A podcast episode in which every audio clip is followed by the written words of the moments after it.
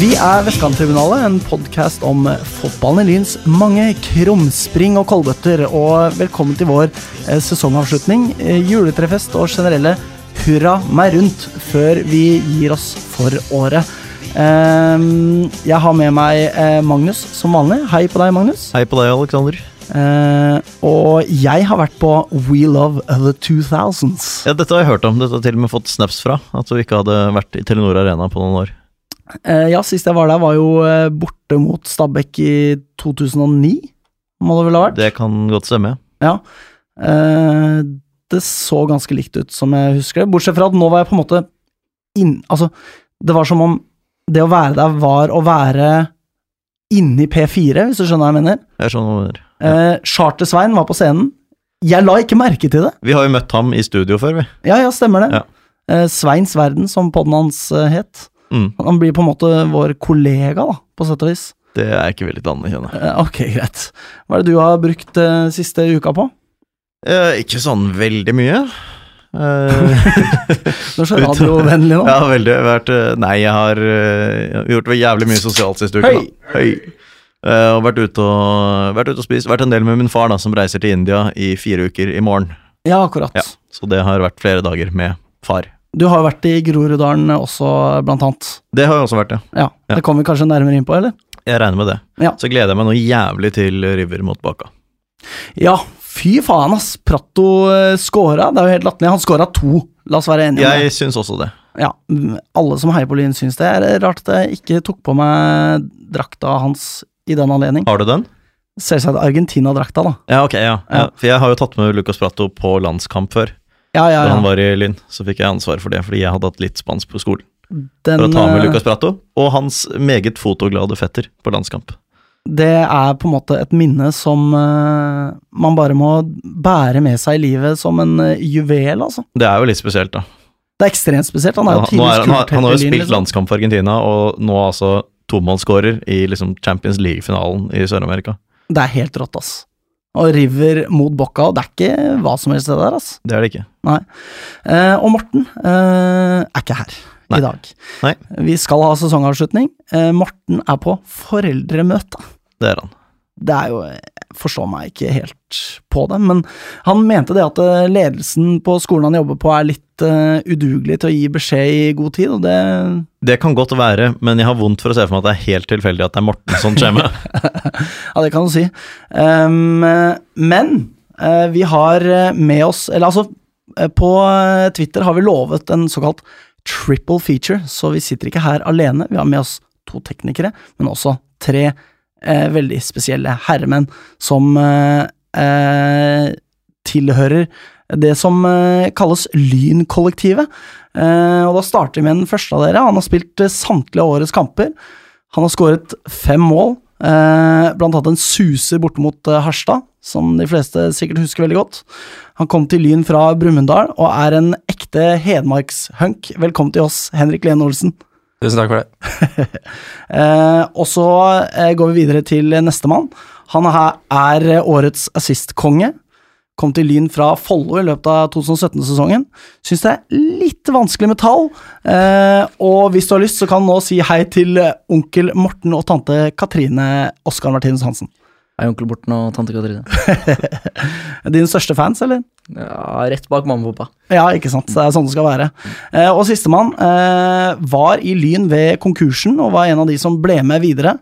Eh, I år eh, skåra han åtte mål, altså på delt andreplass på toppskårerlista. Han eh, kom tilbake til Lyn fra Jerv i eh, førstedivisjon, eh, og er da, eh, som nevnt, en del av legendegalleriet i fjerdedivisjon.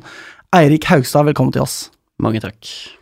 Eh, og dere bor jo i kollektiv, gutta. Hvordan, eh, hvordan eh, kom det i stand, egentlig, at det blei sånn? Nei, det um, Klaffa godt sammen, da. Ja. Vi, både jeg og Lene er jo nye i, ved året i Lyn, og vi trengte et sted å bo, eh, alle mann. Og da, siden vi klaffa så godt, så Det var vel egentlig, Vi kødda egentlig litt med det i starten. Nei, ikke jeg. Ikke du, nei. og så bare Nei, skal vi flytte sammen, eller, gutta? Og så ble det jo det, da. Så ikke veldig dramatisk, egentlig. Bare tre karer som var ute etter kollektiv, egentlig. Egentlig, ja. Ehm, men eh, Eirik, du er jo den som har uh, lynekspertisen uh, blant dere. Du har annet fire kamper, som jeg nevnte, i legendariske fjerdedivisjon. Uh, ti minutter mot Lukke på Frogner med enorm TIFO, 2000 på tribunen. Uh, du spilte litt mot Holmen. Tolv minutter eh, mot eh, Fossum på Frogner, og ikke minst 64 minutter i den episke kampen mot eh, Fagborg på Marienlyst. Oppdrar du gutta litt i hva det vil si å være en lynspiller? Uh, nei, jeg føler at det er en helt ny, ny, ny tid, så det bruker jeg ikke så mye tid på.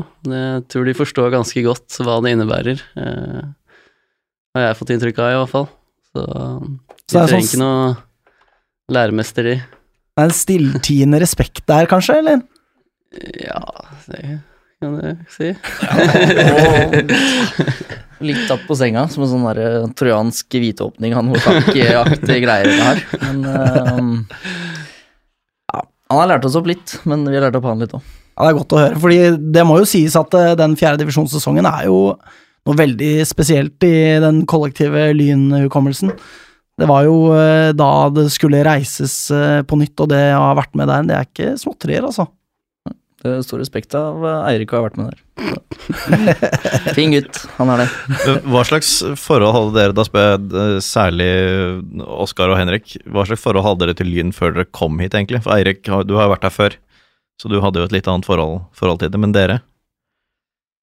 Ja, nå kommer jeg nok mest sannsynlig til å få hatbrev, men eh, jeg er egentlig uh, sønn av en uh, Torshov-gutt, og Torshov hører jo til på litt andre sida av byen. Så lei av å måtte innrømme det, men jeg har faktisk vært på Lyn Vålinga i 05, Du har det, ja? Ja. og da holdt med feil lag. Men uh, Nei! blitt konvertert nå. Ja, det er godt å høre. Nå står Lyn uh, Har en fin plass i hjertet mitt, for å si det sånn. Våre dører er jo alltid åpne for konvertitter, det må vi si. Eh, det er lov å ha en broket fortid. Jeg, for eksempel, spilte i Skei da jeg var seks år. Eller kanskje jeg var fem? Fire? Skamma meg selvsagt eh, ekstremt, men eh, ja. Nå er det der ute, i hvert fall. Eh, men dere bor jo i kollektiv, som nevnt, og hvordan er egentlig en vanlig kveld i Lynkollektivet? Nei, det er vel eh, at uh, Oskar eller Eirik eh, lager maten. og så er det ofte jeg som vasker opp. Vel Eller noen, noen, noen ganger, i hvert fall. Ja, så er, det- går det egentlig rolig for seg. Eh, vi trener jo sammen og gjør jo mye sammen, så foreløpig er det god stemning. Ja, så bra. Um, ja, fordi vi har fått spørsmål fra våre informanter, nemlig vi har noen av dem. Eh, og det er hvem som står for matlagingen, men det er da avslørt. Er det bare disse to kara her? Eh, Jeg kan ta liten, det er en liten historie på den der. Eh, Det var litt short med cash der, så rett før stipendet skulle komme, så spurte Lene om jeg skulle lage noe mat, så sa jeg ja, jeg skulle lage noe pasta med noe tunfisk og sånt. Og da kom det bare øh, tilbake. så da ble han stående og se inn i kjøleskapet i to minutter, før han gikk på butikken og kjøpte seg en Big One. Så, Altså, jeg har klart å kutte meg til blods på et beger med rømme en gang i tiden, så jeg er vel litt sånn i samme leia som deg, Ja. tror jeg. Wow! Ja, eh, på den plastfilmen du drar av, til og med. Så jeg, nå, når jeg var hos min kjæreste, så hender det at jeg får med meg mat hjem.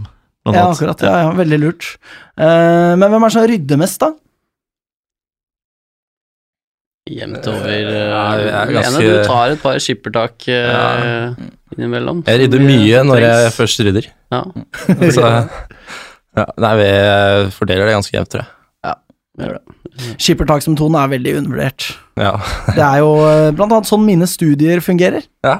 Og jeg har jo eh, lyktes så langt med det.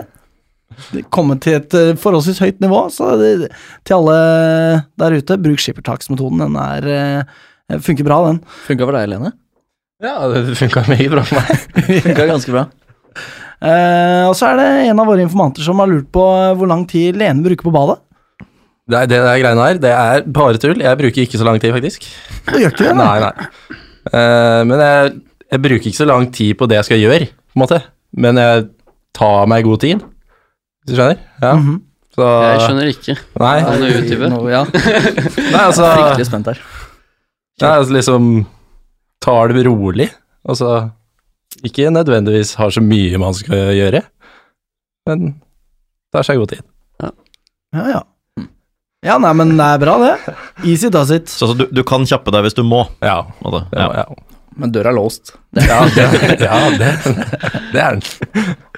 Eh, så et annet rykte som har kommet oss eh, for øre, er det at eh, dere er eh, storforbrukere av en app som heter Tinder, og da lurer vi litt på hvem som bruker flest batteriprosent på Tinder i løpet av døgnet av dere. Kan dere gjerne krangle litt om hvem som gjør det, i så fall? Jeg vil si høyest, da. Ja, Jeg er helt uenig. Jeg vil si deg, Lena okay, okay. Olsen. Men det er vel en her som nylig har lastet ned denne appen. Denne appen. Oskar Hansen. Kul.no. Eh, nei, ja, ja ehm, det har hatt seg, eller blitt slik, at jeg måtte ty til, eh, ty til det. Etter sterkt eh, press fra Fra gutten fra Moelven. Pro Profilerer man lyngreiene da? Så mye man kan? Nei. Det høres, det høres, høres lurt ut. Det høres lurt ut, men jeg tror ikke det er så kult. Men, Nei, jeg tenkte lurt å kanskje ikke Ja. gjøre den kjempesaken. eh, Helt rett i. altså, dere hadde huka meg med det, for å si det sånn. Jeg, jeg hadde gått på den der lett. Det må sies eh, faktisk, eh, da jeg var eh, på Tinder eh, i sin tid, så dukka det faktisk opp noen eh, jenter fra damelaget, altså. Gjorde det? Sånn Ja. nå og da. Ja. Det ble veldig stuss. Jeg skal Å, nå sendes det blikk i studio her, vet ikke helt hva dette betyr. Men uh, jeg bestemte meg for at eh, nei, dette går jeg ikke for. Uh, jeg tenkte at det ble liksom uh, Man skal liksom ikke røre rundt i eget bed, er det ikke det man sier? Man sier vel noe sånt, ja. Ja, jeg vet Jeg har faktisk aldri vært på Tinder, jeg. Nei, ok. Nei. Nei. Nei, den metaforen kan uansett slå veldig feil ut, dette med å røre i eget bed, så eh, Det er lov å vanne gresset på sin egen plen, eller? Eller er det litt sånn dårlig metafor? Uh, jeg vet ikke helt hvordan Ja, ja I Kanskje. guess, kanskje. Men sånn at andre kan komme og gresse, da? Eller, eller skal man gresse selv, eller? Gro, ja. Hva er egentlig eget bed? Ikke sant? Nei, vi skal kanskje bare la den ligge. Jeg tror kanskje det. Eh, det er uh, uansett sånn at uh, det er eh, tre av oss, eller tre av dere her, og det er en av dere som har eh, flest mål i løpet av sesongen, og så er det en som har flest kamper, og så er det en som har flest assists, og nå kommer the burning issue her. Eh, hvem av dere er den viktigste spilleren for Lyn? Nå må dere slenge dere på. Eh, Må noen si jeg her, da? jeg, jeg mener det er viktig som jeg er, så Men siden ingen vil si det, så kan jeg si Si meg, da. Nei, jeg mener det er viktig å holde seg eh, skadefri hele sesongen og kunne bidra til enhver tid. Men hvem har vært best? Lene? Altså, jeg Hvem kom inn litt sånn fra sisteplass, da. Litt sånn som han var et annet som hadde kortbaneskøyter under OL i Var det Salt Lake ja, City? 02? Bradbury, kan det ha vært det? Bradbury, var det han? Ja, Australske, da alle de andre skled ut de siste svingene. Ikke sant? Så da alle de har sklidd ut, så kanskje jeg skal komme som sistemann og, og ta den. Og Det er faktisk noe av det morsomste jeg vet om å se repriser av. Både i semifinale og finale, så tryner alle de andre siste svingene han går inn Ja, stor idrett. og vinner. Stor idrett. Så Oskar Martinus Hansen, da, med andre ord. Eller Nei er kollektivet, hvis vi skal si det sånn. kollektivet. kollektivet. Det er diplomatisk eh, sagt, altså. Vi kan egentlig slå oss eh, greit eh, til ro med det. Eh, og da tror jeg faktisk rett og slett at i og med at alle er godt introdusert, så tror jeg vi hopper videre til Lynhetsspalten, jeg. Mine damer og herrer, nå lytter De til Vestkanttribunalet. Eh, første lynhet. Damelaget spiller toppserie også i 2019. Helt fuckings rått, ass. Ja, eh, denne gangen satt de sjansene som ikke satt forrige gang. Ja, helt klart. Vi var jo på Greibanen, på solsiden, Sammen med Oskar her. sammen med Oskar. Var du også på solsiden eller på tribunen? Jeg var på Solsiden. Satt uh, sammen med Joakim Pedersen Strand og Benjamin Nesje Nyheim og Anders Lybekk. Lurt. Veldig lurt. Så det er utrolig imponerende, altså. Eh, kanskje ikke så overraskende, tross alt. De var jo ganske gode i eh, hjemmekampen. Altfor gode tatt stillinga i betraktning. Eh, så det var eh, utrolig gøy, altså. De var, ble kjempeglade også, så det var eh, godt gjennomført av damelaget, og premien er altså en ny sesong på øverste nivå for damelaget. To på rad. Ja. Historisk. Det virket jo nesten som Grei hadde, De hadde virket ikke som de hadde noe særlig tro på det selv heller. Og de leverte jo altså 1-0-tap borte. Er jo ganske bra i en toppseriekvalik, Mm. Men uh, altså for førstedivisjonslaget. Men det var ingenting som tydet på at de skulle henge med denne gangen. da. Nei, det rakna virkelig. Er det sånn at dere ser på damelaget kvalifisere seg til toppserien og tar noe særlig inspirasjon til det sjøl, gutta? Jeg og Erik satt i hvert fall uh, klistra foran TV-en og så på, vi. Så vi syntes jo selvfølgelig det var gøy. Mm. Så, det er jo inspirasjon i å se at eh, et eh, lynlag eh, presterer veldig bra. Mm. Mm. Det var vel du, Oskar, som bidro i en sånn oppmuntrende video før dette også? Ja, det var noe regi der. Det, det vil jeg tro. Jeg, Ja. jeg har en mistanke om hvem som dro det i gang, Ja, i likhet med noen giffer gjennom sesongen. Det kan eh, medføre riktighet. Eh, så det er utrolig gøy, og eh, Jeg hadde, jeg hadde med skjerf til Mimmi, vi snakket om det forrige gang. At vi Ja. måtte, noen måtte ha med det. Og jeg satte veldig pris på det, virket det som. Ja. Mimmi også heit på grøten uh, som vanlig. Ja. Hun uh, sto jo nede ved benken til Lyn der et øyeblikk, og så kom hun opp igjen i bakken der. Og da spurte jeg henne jeg ble du bortvist fra benken. Nei da, hun hadde ikke blitt det, men jeg vet ikke helt om jeg tror på henne, altså.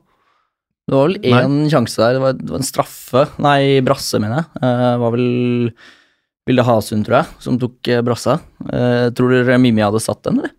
I toppform? Selvsagt. Selvsagt. Det er jo typen til å kunne skåre sånne mål, ja. Og da gjerne med rosa fotballsko. ja, Aller helst. Selvsagt. Eh, Morten laget ny lyd. ja, ja, det må vi nesten få høre om. Vi snakket opp Nei, altså, det, det, det gir jo ikke så veldig mye mening for andre enn de som Andre enn oss to, egentlig. Og våre faste lyttere, da. Hallo. Til dels. Morten har en tendens til å lage veldig mange lyder uten å være klar over det selv. Uh, og denne gangen så var det fmi! Var det denne gangen. Men uh, Hva var det, det høres jeg, jeg tror det var helt ut av ingenting. Er helt ut av ingenting. Ja. Altså det, det høres ikke så veldig gøy ut, men det er ganske gøy når du tilbringer tid med Morten. Og du vet at vi, vi har jo tidligere hatt en vignett med et innslag av Morten-lyd. Blant annet. Han lager utrolig mange lyder uten å merke det selv. Ja, det var faktisk et utsagn, var det ikke det? Ja, det var et utsagn, ja. Den er god. Ja. ja. Um, og damelaget går da inn i ny Det var jo litt spennende å følge med på hvem som sto på solsiden der. Vet ikke om du la merke til det, Oskar, fordi Rolf Magne Valstad sto der med en fyr eh, ved navn Vebjørn Urdal. Eh, og eh, han eh, ble da, mens vi sto der, pekt ut som damelagets nye trener. I hvert fall blant oss som sto og fulgte med. Ja. Eh, viste seg at eh, han ikke var damelagets nye trener. Eh, han eh, er ansatt i forbindelse med damelaget. Han gikk inn i rollen som eh, toppspillerutvikler for damelaget. Men eh, damelagets nye A-lagstrener er da Ole Johan Aas. Eh, så velkommen til han. Det er jo eh, strålende å få en trener inn der. Han eh, kommer fra seks år som hoved, hovedtrener for Ullerens eh, herrelag både i andre og tredje div. Og får gode skussmål på Twitter fra folk jeg anser for å være ryddige. Bra nok for meg.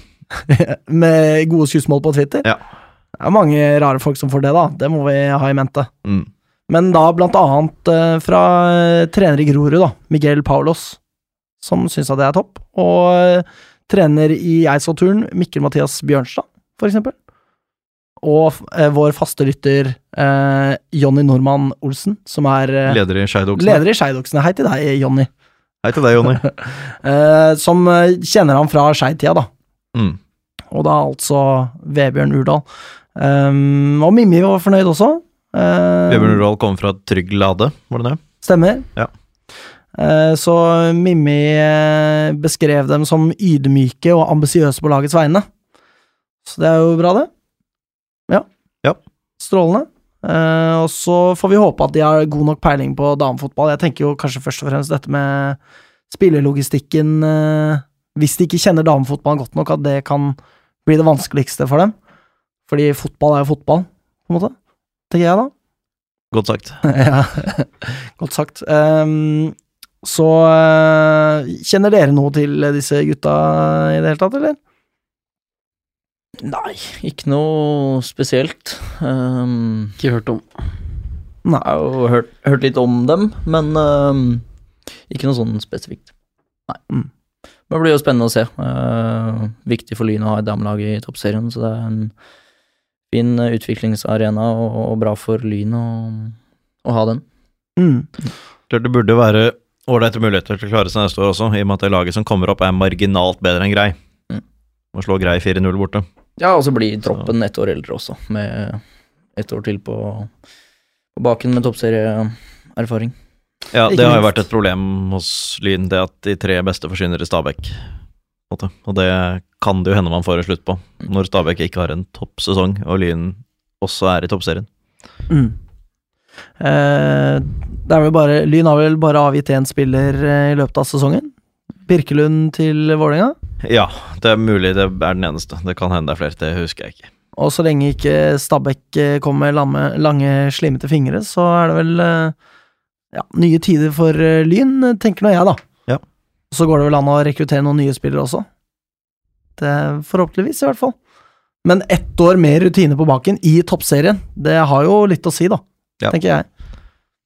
Så det er strålende. Så bra jobba til alle på klubbhuset som har fått eh, dette i stand. Vi har troa på det her, altså. Og vi håper at de lever opp til den troa, da. Det får vi. Men det er jo noe med det. Eh, neste lynhet. Eh, Lyn sitt eh, herrelag har eh, Det har blitt satt opp treningskamper. Det har de, ja. Begynner borte mot Bærum. Det har man gjort flere ganger. Ja, eh, først for å oppsummere nivåene her, da. Det er da eh, to andredivisjonslag, så vidt jeg kan se. Uh, ja, det er riktig. Og resten er tredjediv med ett opprykkslag fra fjerdediv, da. Ja, Rommen var suveren i fjerdedivisjon og går opp til tredje. Ja. Uh, hva tenker dere om disse kampene, gutta? Har dere sett uh, noe på det i det hele tatt? Bærum, Kjelsås, Lokomotiv Oslo, Drøbak, Frogn, Ullern, Rommen, Follo, Eidsvoll, Turn. Ja, det er viktig for oss da å møte lag som er i en divisjon over, så vi ser litt hvor Det er en god referanse for oss eh, frem mot sesongstart. Eh, så er det jo bare å bruke kampene godt. Så, Mm. Vi starter mot uh, to andredivisjonslag der i eh, Bærum og Kjelsås. Ja. Hvor tøft blir det? Eh, jeg vet ikke, men jeg håper i hvert fall at vi får mye konstruktivt og mye utvikling ut av det. Eh, det er vel det viktigste så tidlig på, på året. Eh, om vi taper, det er ikke Skal selvfølgelig vinne, men det er ikke det Det er det Det som er det viktigste, da. Det er jo det eneste stedet på det sentrale østlandsområdet som er like kaldt som Kringsjø i januar. Det er jo Kadettangen. Ja, definitivt. Det er virkelig de to stedene det er surest. Det er ikke færrest. Altså, du eh, kan se for meg at særlig du, eh, Lene Olsen, eh, er vant til mange minusgrader, men eh, den kombinasjonen av vind og kulde på Kadettangen er helt jævlig. Altså, jeg har stått der snørrete litt vel mange ganger, føler jeg. Ja, det var da vi pratet så lenge med Faisal en gang i tiden han ble utvist, vel? Eller var han byttet ut? Utvist, tror jeg. Nei, han var i Holmlia, han, da. Ja, det var han, ja. Han bare var på tribunen. Sant? Ja, ja, ja. Ja. Pratet med Andreas Morisbakk har jeg gjort der òg. Du har gjort det, ja. Jeg har faktisk det. Ja. Ehm, de har jo henholdsvis åttende- og sjuendeplass i eh, samme andredivisjonsavdeling Nei, forskjellig andredivisjonsavdeling. Så det er jo spennende å se hvordan det kan bli. Men det var jo veldig førstesesongsvar du kom med der, det er det må jeg si. Altså sånn at vi skal, skal vinne, men eh, at det er eh, mest for treningens skyld, på en måte. Ja, vi får jo lagt et sett hvor vi ligger an, og hva vi må bli bedre på. Eh, litt eh, hvor eh, lista ligger, da, hvis vi skal Mm. opp et nivå. Og Det er litt spennende med Eidsvoll Turn som siste lag i uh, førsesongen også, som en toppkandidat i tredjedivisjon. Kanskje litt, litt uh, likt utgangspunkt som Lyn uh, både før forrige og denne sesong, kanskje? Det er også en mulighet for at vi skal møte dem neste år. Altså Det kan jo hende. sant? Det vet vi jo ikke, men Eidsvoll-turen er jo potensiell rival i samme avdeling neste år, slik de var i fjor. Vonde minner, eller, Oskar? Ja, litt. Det var ikke akkurat eh, artig på Myhrer stadion med 3-0 i sekken her. Det var ikke, var ikke en god busstur hjem. Da var eh, Markus Cham i middels humør, husker jeg. Ja, Han, det, var, eh, eh, det var flere av oss som var det. Men, Ja. Nei, så det blir spennende å se hvordan eh, disse kampene forløper. Ikke så spennende, da. Men litt spennende. Altså, per nå så er på en måte innstillingen min at jeg skal se minst mulig, men så dukker jeg jo opp, ikke sant. Ja, det er jo noe med det. Ja. Jeg skal skrive masteroppgave, så jeg tenker at jeg kanskje ikke dukker opp, men eh, Det er ikke så stress. jeg har et visst sånn avhengighetsforhold til Lyn, eh, bare så dere veit det. Dere er på en måte Det tror jeg man har innsett innen man sitter i podkasten din. Ja, det er liksom metamfetamin her, og så heroin her, og så amfetamin her. Rett og slett. Ja. Disse tre gutta her, eh, på en måte, da. Jeg tar det som en kompliment. jeg. Det er en uvanlig sammenligning, det er det. Det er det, men eh, avhengigheten er like reell. Ja. Eh, er det Drøbak-Frogn blir liksom bursdagskampen, da. 2. mars.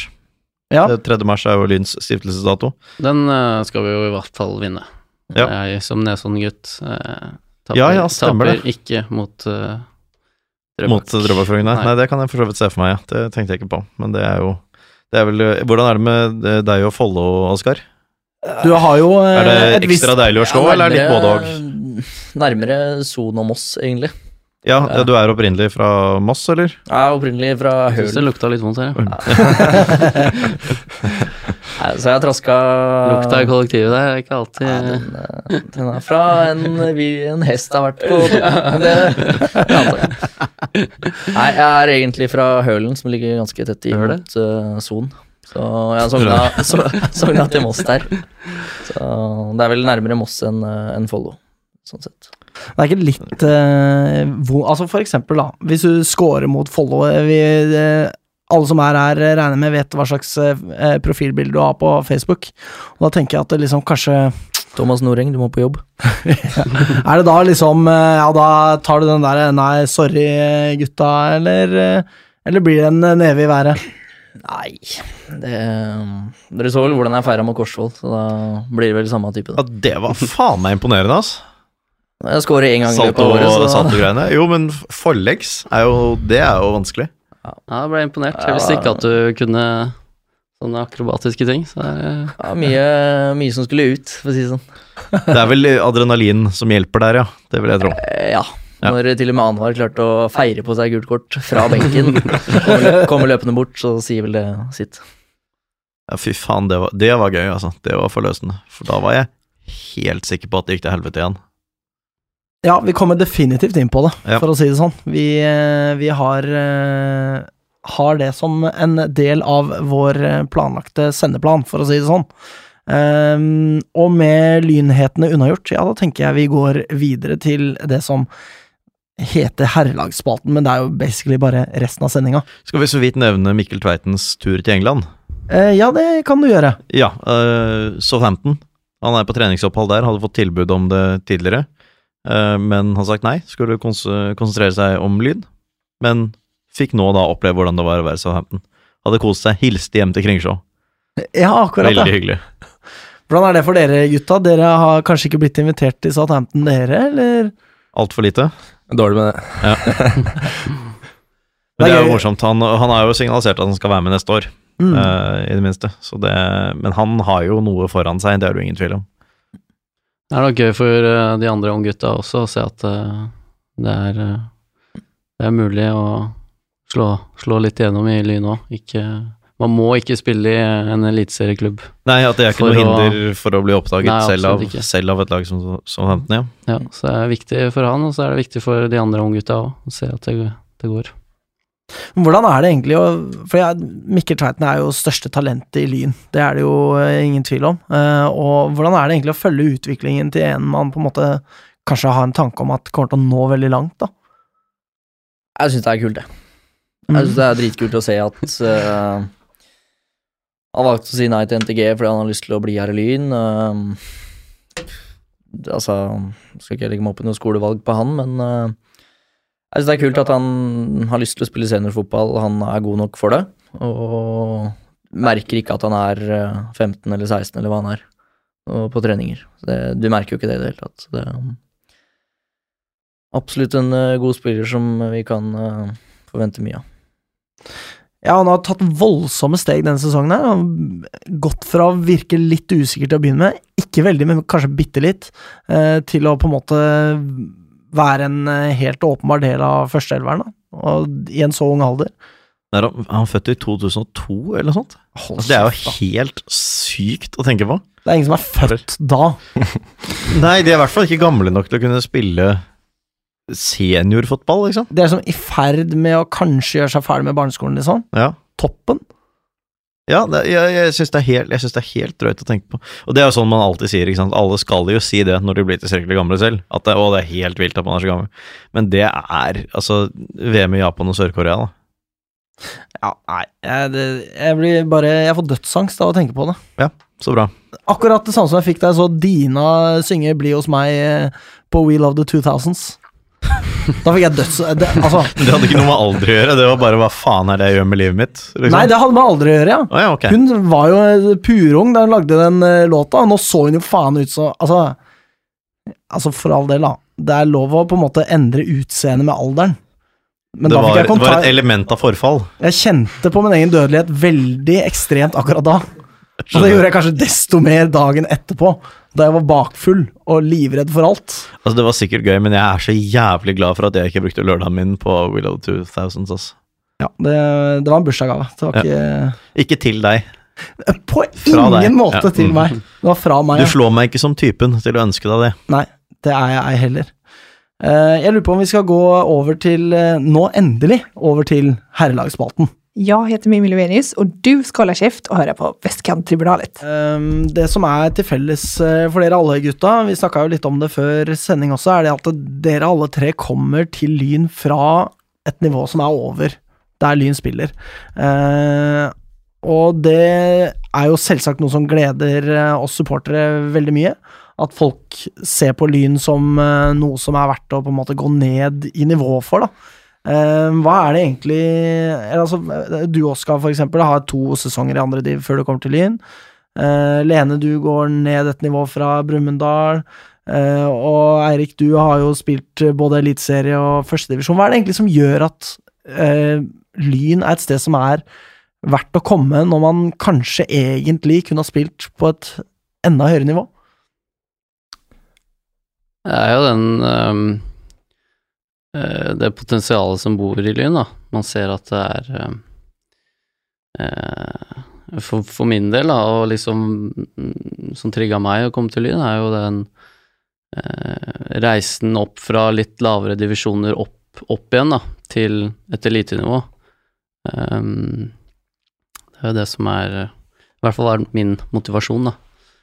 Eh, jeg vet ikke med de andre men Nei, det blir jo det samme der, liksom eh, engasjementet rundt og eh, alle veit hvem eh, Lyn er, på en måte. Eh, så har du lyst til å være med og få klubben opp igjen, da. Være med på den reisen, på en måte.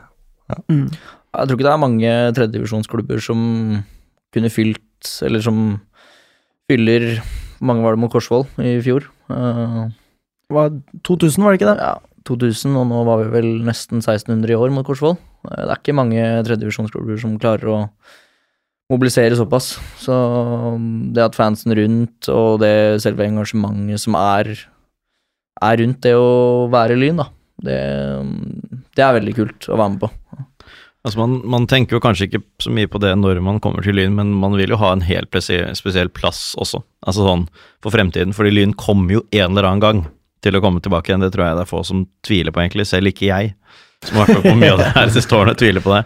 Uh, så så man, man kommer til å måtte stå da, i liksom den historien, på et eller annet vis. Og det merker man kanskje ikke så mye på nå, men det kommer man jo faktisk til å gjøre en eller annen gang, når det kommer til å skje. Og det, Lyn er Oslos største fotballklubb i antall medlemmer. Antall Mm. spillere, i hvert fall. Ja, men Eh, er det ikke Hasleløren kanskje som er omtrent Nei, Øvrevoll Øvre, Øvre, Hosle, ja. De er jo Bærum, og de er den største i antall medlemmer. Men Ja, i Lyn krets, Det innenfor er Lyn i, Ja. i Oslo. i Oslo Mm. kommune, på en Mm. måte. Uh, og det er, eh, det er det noe spesielt ved også. Og det er jo en Det er vel fortsatt en litt annerledes følelse, da. Altså Det å si det at man spiller for Lyn fremfor å spille for Frigg, er fortsatt litt spesielt. Og Frigg har jo for så vidt også historie som går langt nok tilbake igjen. Men uh, Ullern, da, for den saks skyld, Altså, det er jo noe annet. Ja, det var jo da jeg kom til klubben i fjor, så så jeg etter leilighet i, sammen med den daværende kjæresten. Daværende kjæresten. Eh, endte vi opp i Ullevål Hageby, i Tyriansveien der, og da var det sånn Da var jeg litt usikker på hvor jeg skulle spille, og da sa jeg uka etterpå at ja, jeg endte opp i Lyn, og da var det sånn derre Oi, jeg har vært i Bastionen siden 2002, og det var liksom Mm. Så det, det er alltid Du treffer alltid på noen lynfolk, for å si det sånn. Duli hadde jo lyst til å flytte inn under meg. Den, eh, han hadde jo Han ba jo Om det er lov til å si. Ja, det tror jeg det er lov å si, egentlig. Det er lov til å si. Men han, eh, Duli hadde jo sendt en henvendelse på leiligheten eh, etasjen under meg, blant annet. Så det, det er jo noen miljøer og noen områder, liksom, hvor det er spesielt med lyn fortsatt. Men Eirik, du visste jo på en måte hva du kom til. Hvordan føler du at det er annerledes siden du var i klubben sist? Eh, eh, altså, se på Kringsjå, da, hvor mye som har skjedd der siden jeg var i Lyn. Med klubbhus og flere kunstgressbaner, bedre kunstgressbaner. Eh, det er vel det jeg kjente mest på, at var forandret. Eh, utenom det så er det jo eh, litt samme atmosfære, da. Eh, jeg kom jo når jeg var med i fjerdedivisjon for åtte år siden, eller noe sånt. Så var det sånn samme, liksom, den derre nå skal vi Nå skal vi opp. Det var liksom eh, hovedbiten, da. Eh, ellers så er det jo Det er ikke så mye annet. Altså, selvfølgelig nytt, nye spillere og eh, Men det det er eh, øh, Det er ikke så mye som er forandret sånn sett, nei. øh, det er ikke det. Men det er jo sånn sett også en god ting, så lenge det fortsatt er sånn at Lyn er litt annerledes. Så er, det jo, så er det jo ikke noe grunn til at det skal forandre seg heller. Altså Hvis man har klart å bevare det at Lyn føles litt annerledes enn andre lag i tredje divisjon, Mm. så er jo det på en måte bra nok i seg selv. da. Hvordan var det Du kjente jo klubben fra før, Eirik, men eh, dere to andre, ble dere kontakta av klubben, eller tok dere kontakt selv, eller hvordan var det? Nei, jeg tok eh, kontakt selv. Mm. Eh, det var vel i eh, november i fjor, tror jeg. Og så dro jeg på noen treninger, og så Så fikk jeg jo tilbud, da. Så var det egentlig greit. Men, så det som lå bak, var det at du skulle til Oslo i utgangspunktet, da? Ja, jeg skulle flytte, ja. Og så hadde jeg på en måte Lyn er en klubb jeg har lyst til å spille for. Mm. Så Men, fordi det fantes jo eh, Oslo-klubber på høyere nivå. Altså, vi har Grorud, vi har Skeid, vi har Kjelsås. Altså Koffa. Koffa, ikke minst. Eh, var, det, var du i kontakt med de klubbene også, eller? Ja, så vidt, men eh, det, var liksom, det er Lyn, det er noe spesielt, da. Så hadde jeg jo sett noen kamper eh, det året i tillegg, og spille på Bislett uh, istedenfor å spille på andre arenaer. Ja, fordi nå som eh, Jeg og Magnus er jo Bislett-ekstremister. Ja, Dette det er klinger jo veldig godt i våre ører, men det er altså sånn at Bislett har en viss appell for folk å spille, spille Ja. der fremfor eh, ja, Kjelsås eller Nordre Åsen. Ja, selvfølgelig, det er jo veldig morsomt å spille der, så Mm. det Snakket du noe med bror?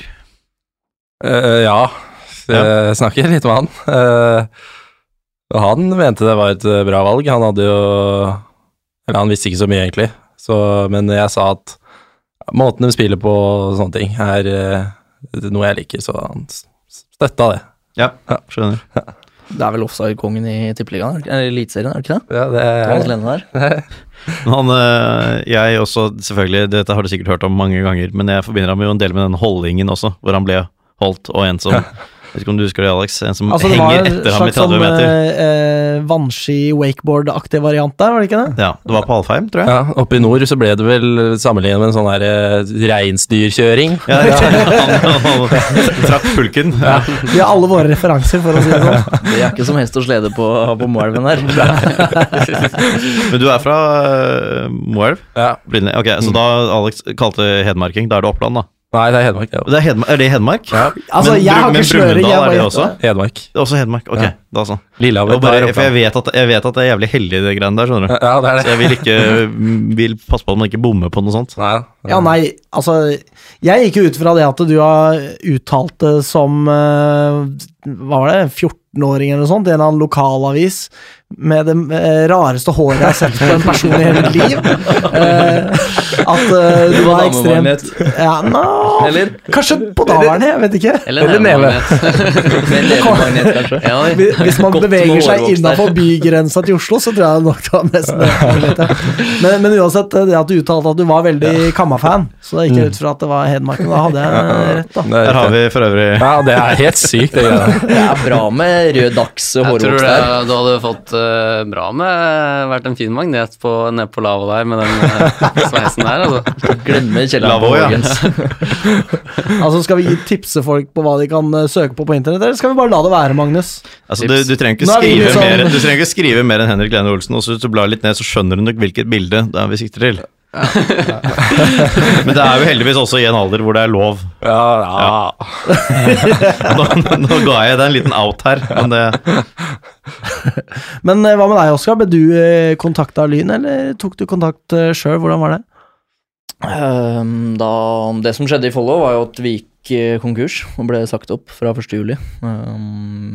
Da kontakta først Nyso meg dagen etter at nyheten slapp, og sa at vi hvis det skulle være noe med kontrakter og tvister og sånt noe der, så har vi rådgivere til dere. ehm, hvis det skulle være tilgjengelig. uh, eller be, det skulle behøves. Men ehm, jeg vet hva, jeg hadde en trener i Moss, Ørjan Kristiansen, som uh, kjenner eh, Thomas uh, veldig godt.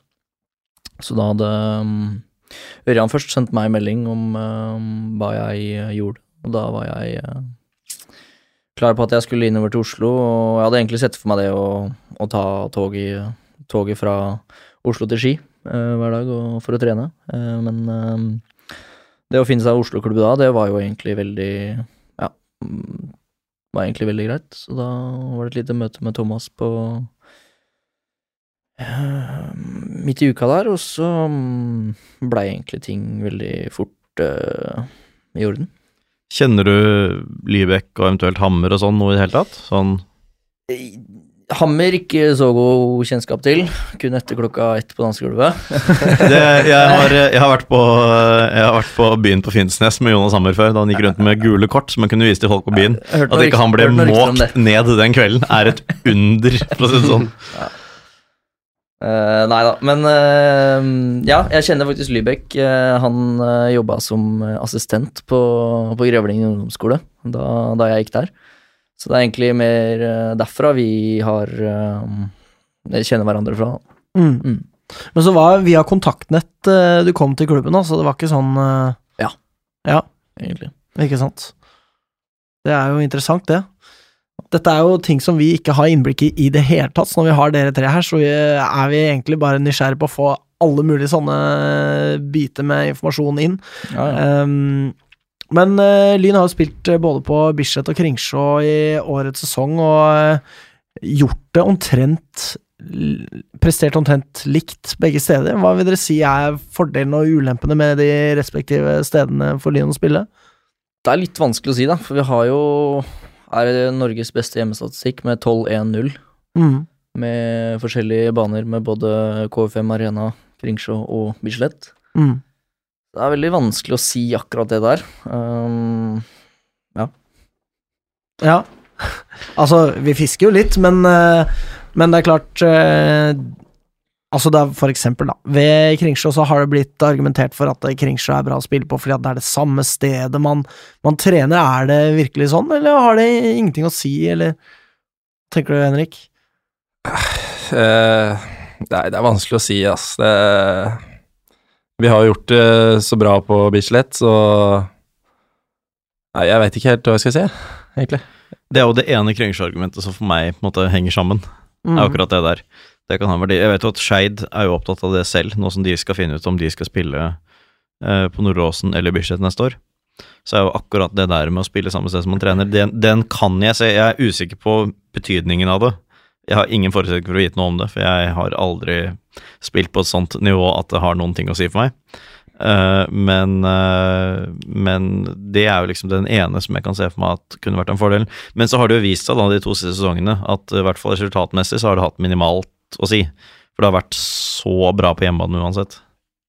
Men disse storkampene på Bislett, altså hvilken appell har det? Dere er jo relativt uh, nye i Lyn, i hvert fall Altså, ja, med unntak av deg, Erik, som har vært i klubben før, men allikevel ny i Lyn. Altså, hvilken appell har egentlig disse Bislett-kampene for spillere som er på vei inn til klubben? Altså, Dere kan jo snakke for dere selv, men dere kan jo også si noe om hva andre spillere i klubben kanskje har nevnt rundt det.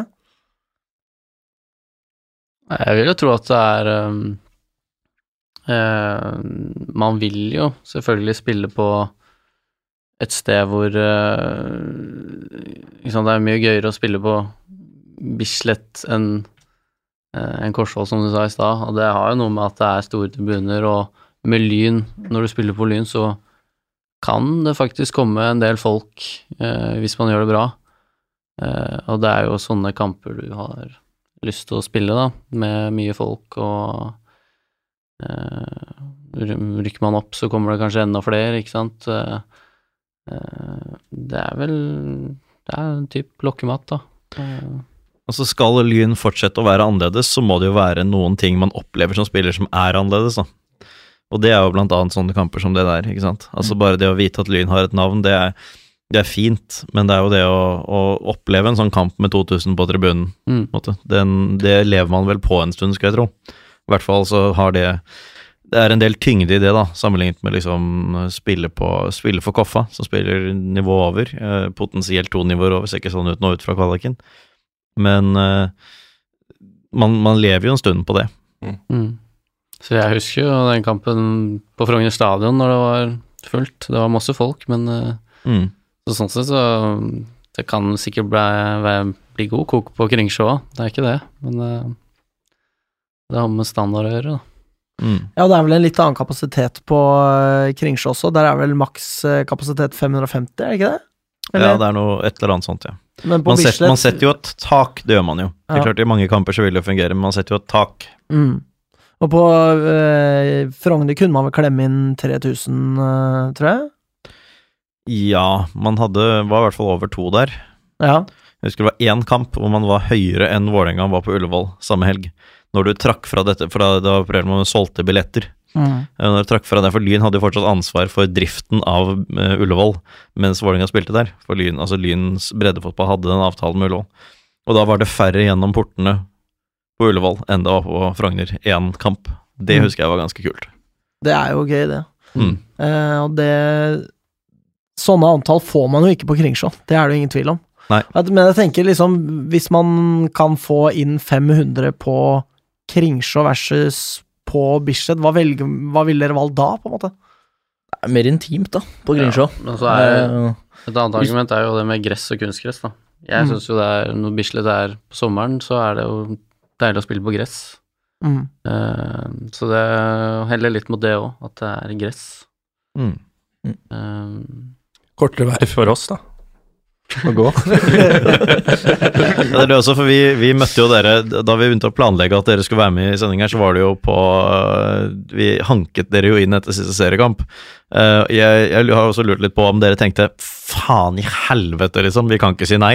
Eller om det var gøy. Jeg har inntrykk av at det ble gøy etter hvert uansett, da. Dere ble jo Ja, værende gøy lenger enn dere absolutt hadde måttet være, liksom. Det var litt som oppvaska. Den eh, Ja. Det var litt sånn krangel om hvem som skulle ta den, men eh, Ja, vi ble enige om det til slutt. For jeg husker jo dere spaserte oppover øh, oppover um, Thereses gate. ja. Og så så vi dere. Det var ikke jeg som ropte, riktignok, men noen ropte. Og da var det litt sånn tvilende en liten stund, og så ok, vi tar en tur over. Men så ble dere værende så lenge dere egentlig kunne, da. Så det, det var jo jævlig morsomt, og det Ja, var jo jævlig mm. hyggelig. Og dere Man fikk jo pratet mye. Absolutt. Eh, det jeg lurer litt på, er eh, Dette er igjen et sånt spørsmål som eh, Som handler litt om at eh, vi som supportere Det er ikke nødvendigvis så mye kontakt mellom spillere og supportere, og det kan man eh, ofte si er en god ting. Jeg tenker ofte det, egentlig. Men hvordan er det når eh, Eller altså, kjenner dere noe særlig på det at det dere driver med ute på banen der, faktisk påvirker hvordan uka til ganske mange mennesker blir eh, altså den kommende uka? At hvis dere taper, så er det kjipt å være Lyn-supporter, liksom? Eller er det noe dere bare ikke bruker tid på i det hele tatt? Vi må kanskje prøve å stenge det litt ute, men Mm. samtidig så er det jo ikke så lett når vi ser det engasjementet som dere har, eh, og hyller dere for det. Eh, heller masse engasjement og at det går en kule varmt, enn at det er dødt og kjedelig, for å si det sånn. Mm. Um, litt tenker vi jo på det, men samtidig så Ja, når vi er i den kampbobla, så er vi egentlig såpass inni den kampbobla at vi rekker egentlig ikke å tenke det så veldig mye. Mm. Um, mest fokus på arbeidsoppgaver og det som skal gjøres. Men um, ja, vi vi vil jo at dere skal ha det bra i løpet av uka, da. Så vi, Det er vel målet, er det ikke det? ja, det er jo litt av det å kunne glede andre, er jo litt også derfor vi holder litt på med dette her. At vi, vi trives sjøl med det, og vi ser at det her betyr faktisk noe for ganske mange, da.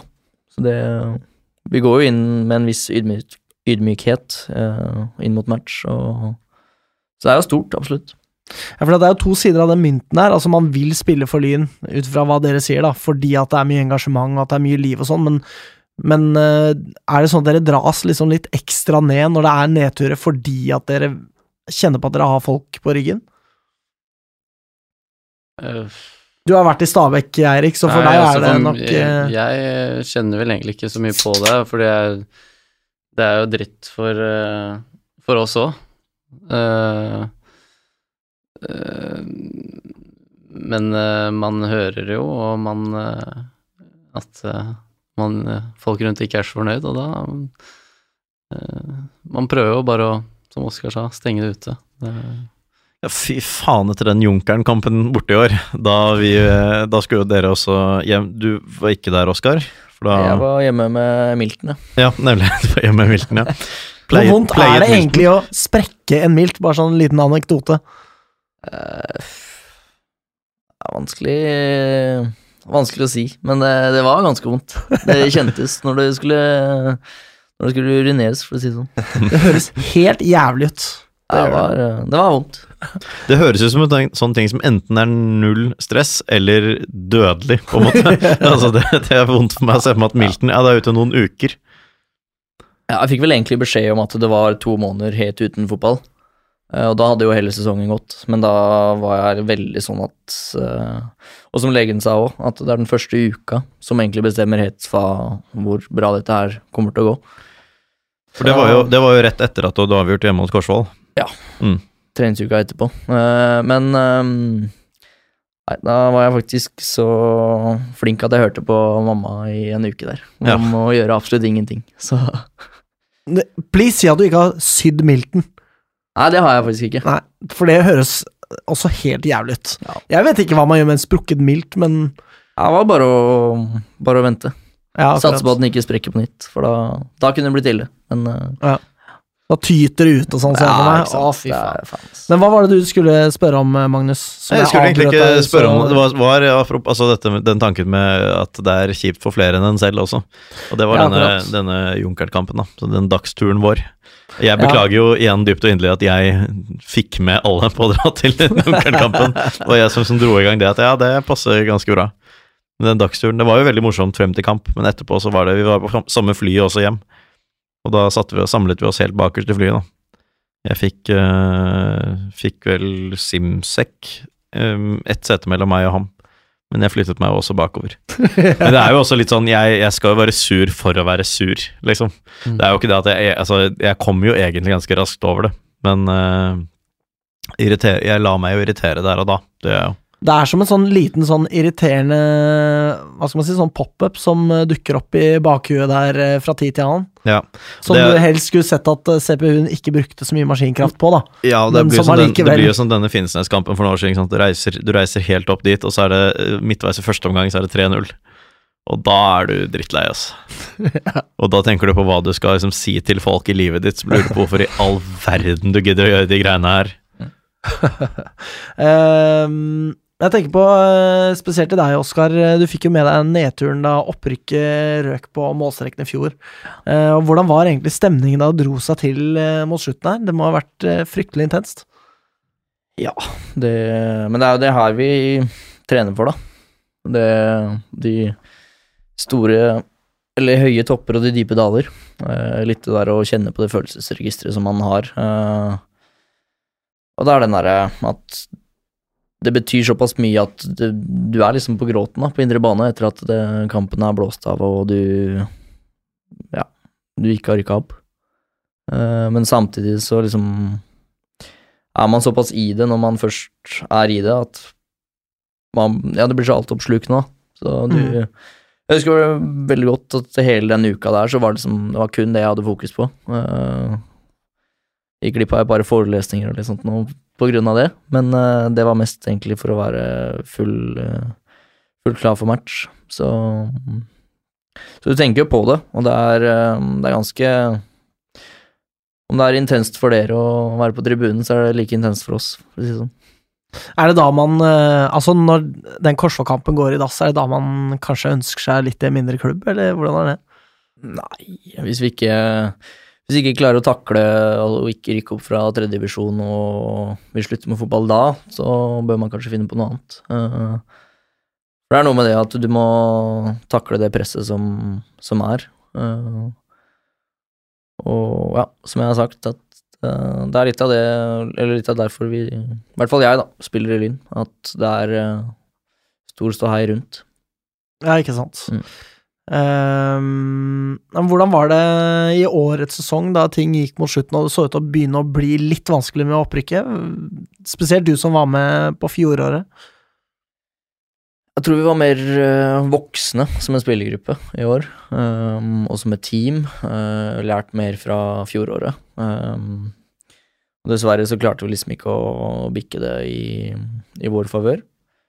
Men um, jeg vil si at uh, forskjellen fra i fjor til i år var at spillergruppa var uh, ja, mer voksne da, i både mm, tenkemåte og og valg man tok, uh, både før, under og, og også etter match.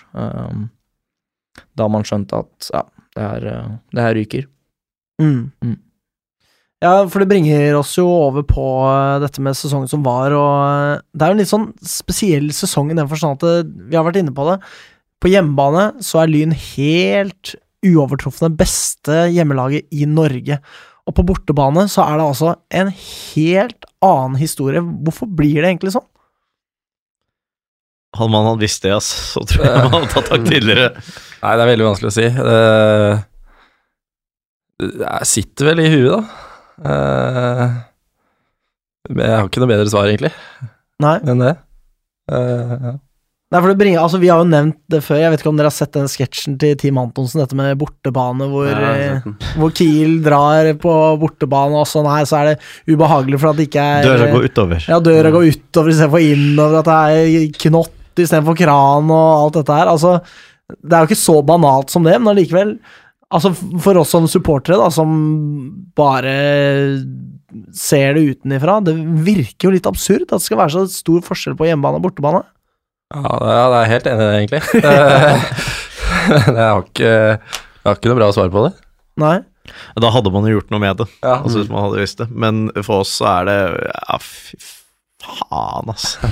Det er det jo for dere òg, Ja. ingen tvil om det. Men ja, det- Nord-Norge-greiene har liksom vært noe helt spesielt, virker det som. Ja, for det er jo noe med det. Lyn presterer ikke veldig bra på noe eh, i Nord-Norge i det hele tatt. Eh, og de første tre Altså, det ble jo snakk om et Nord-Norge-kompleks i de litt eh, mer skrullete delene av Lyns supportermiljø ganske tidlig. Vi ønsket i det lengste å ikke si ordet Nord-Norge-kompleks i det hele tatt, men når man på en måte ser på fasiten, da, For, for eksempel, komplekset oppstår jo når man eh, ser at det blir 3-1-tap bort mot Fløya, 2-1-tap bort mot Senja, og en ganske dårlig 4-4 uavgjort resultat mot, eh, mot eh, Skarp. Hvordan er det i deres hoder når man opplever tre sånne tap, eller altså ikke tap, men tre sånne resultater på rappen på bortebane i Nord-Norge? Nei, det er jo Det blir en lang flytur, det blir det. Mm. Det blir mye tenking, og du ser for deg situasjoner som du kunne gjort annerledes og, og sånne ting, men uh, samtidig så har vi liksom ikke hatt noe Vi har ikke hatt noe å klage på, da. Uh, reisene har vært helt nydelige. Uh, og alt av organisering og sånt har vært eh, fint og flott, så vi har liksom ikke det å skylde på heller. Det har bare Det har kanskje bare utvikla seg til at det har blitt det. Og som Henrik sier, at Nei, har ikke noe godt svar på det. Mm. Ja, fordi vi, altså, vi har latt oss irritere over, eh, spesielt da i dette intervjuet med Ødegaard ved halvspilt sesong, hvor han eh, snakker om marginer, da.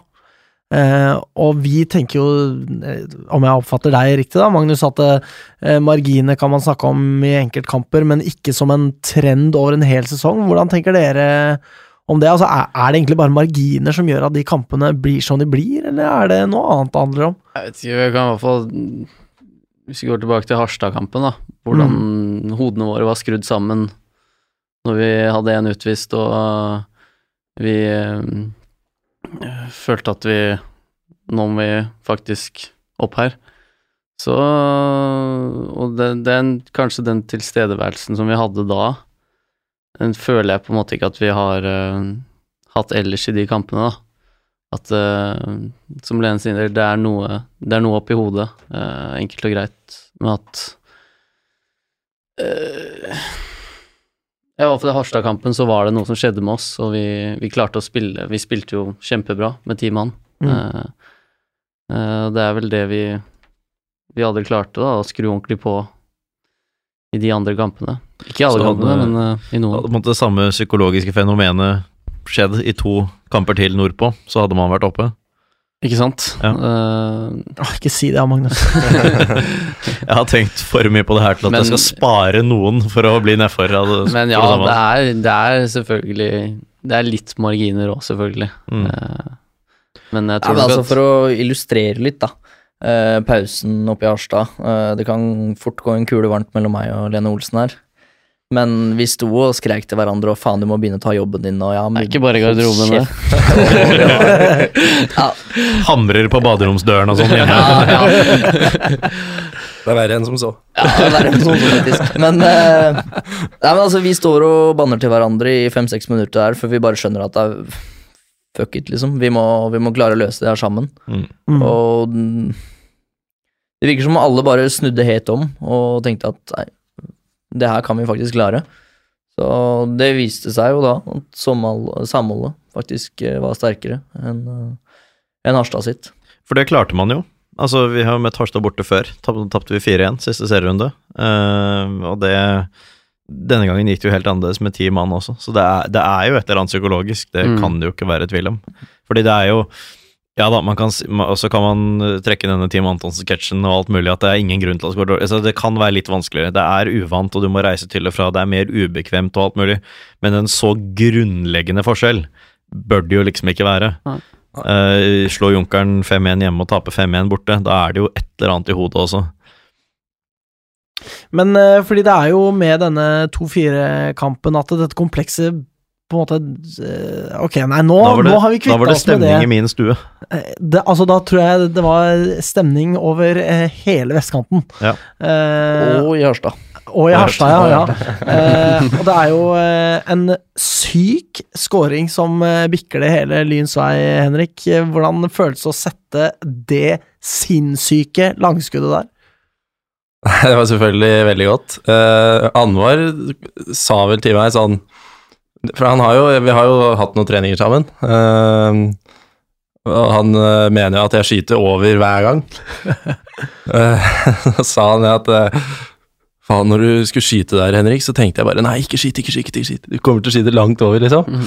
Men så gikk den jo inn, da, så det ble jo helt vill jubel, så Var det den kampen hvor moren til Anwar klikka helt? Ja, ja, det er det jeg lurer på. Ga Anwar deg det kysset som mora hans eh, anbefalte han å gi deg, eller hvordan ble det med det? Nei, han gjorde ikke det. Men Nei, gjorde eh, ikke det. nei. Ja, han, han ga uttrykk for såpass på eh, den Insta-storyen, for å si det sånn. Men du fortjente det, det gjorde du virkelig. Det var, og tomålsskåret er jo ikke så gærent. Du skårer nesten halvparten av målene dine denne sesongen i den matchen der. Ja, jeg gjør det. Og så Skaffet du straffe nå? Ja, det var vel Ja. Oskar som uh, slo innlegget der, så Ja, riktig. Ja. Og så satte Haugstad den. Jeg så Ja, den, ja. Så den var jo litt eh, Fikk æren. God stemning i kollektivet, i hvert fall. Ja, det var det. um, og det fortsetter jo med, med 2-3 mot eh, Melbo, og da tenker man ok, nå, nå er det over. Nå er det ikke sånn at man sliter i Nord-Norge lenger, men så er det Junkeren-kampen. Og eh, på det punktet så er jo Lyn veldig høytflyvende. Eh, og er det ikke sånn at vi holder tabelltopp selv om vi taper for Junkeren? Jo, Magnus? det er riktig. ja, ja. Hadde muligheten til å holde fire poeng og skaffe, eller skaffe en luke, i hvert fall på ned. Men det ender med leder med ett poeng etter den kampen, mener jeg bestemt. Mm. Men er det da sånn man kjenner på eh, Kjenner ekstra på det når man eh, går på den smellen, når man på en måte kanskje føler at man har snudd dette her med å ikke lykkes i Nord-Norge? Nei, øh, syns ikke det. det er, men eh, sånn, sånne stortap, det er liksom øh, det, er på, det er på en måte det som skjer da i løpet av Altså, de fleste lag går over på en ganske stor smell en eller annen gang i løpet av sesongen. Vi slo jo Brann 6-0 da de vant serien, blant annet. Ja, altså Det blir bare Etter en sånn kamp så blir det bare Det, det eneste fokuset du har, er egentlig bare å glemme den. Eh, du har ikke lyst til å tenke på den, og det eh, Jeg husker ikke hvordan det gikk de kampene etter, men jeg regner med at Slo Fløya 5-1 eh, Nei, etter Junkeren-kampen, tenker du på? Mm. Ja, slo Grei hjemme, og så var det Sortland-tapet. Så var det Sortland-tapet, Mm. ja. Eh, så det er eh, Akkurat den Junkeren-kampen husker jeg det der var bare, bare å glemme med en gang. Da- men eh, Ja, det er jo akseptabelt på et vis å tape 5-1 mot Junkeren, som på daværende tidspunkt er et topplag og som har prestert veldig bra i, i serien, men så kom jo dette tapet mot Sortland, og da, da er liksom Der er det jo ingen unnskyldninger. Alle Nei, var, skal jo slå eh, Sortland, som mm. er så fortapt. Ja. Altså er fortapt allerede etter to-tre runder i sesongen omtrent, ikke sant? Og da blei det litt eh, Da blei det vel litt den vi må vi må vinne-følelsen som gjorde at vi, vi ble hardt straffa på slutten der når vi begynte å sende opp folk og uh, Vi brant vel en ganske stor mulighet der og husker jeg på slutten, eller to. Uh, og så straffer de oss da på at vi vi tømmer oss bak, og så Ja, det var et eller annet skudd over helt på slutten, ja, altså en kontring og Ja. akkurat liksom innenfor stolpen og inn. mm, Og Oran redda oss flere ganger, den på slutten her òg, så Han har vært bra, altså. Han har vært bra. Mm. For min del eh, kanskje årets Mm. spiller. Mm. Utenfor kollektivet, i hvert fall. Utenfor kollektivet. Med kollektivet òg. Eh, men det som da skjer etter eh, fordi det, Og da er man jo veldig tilbake på at ok, det er et Nord-Norge-kompleks igjen. Etter de to tapene. Det er akseptabelt mot Junkeren på en måte, selv om det er eh, graverende at det er så stygge sifre. Og så Sortland, da er man virkelig der. Eh, men så er det plutselig borte 4-0 mot eh, Stålkam og 4-1 mot eh, Finnsnes, og så blir man plutselig i stuss igjen. Ok, er det faktisk ikke sånn at det er et Altså, det er på en måte Det går veldig opp og ned med hvorvidt man tenker at man skal kunne klare å prestere på bortebane eller, eller altså i Nord-Norge eller ei, da. Eh, men eh, Og så slutter det jo da med 3-2 mot Skjervøy på bortebane, men da er jo sesongen på sett og vis over også.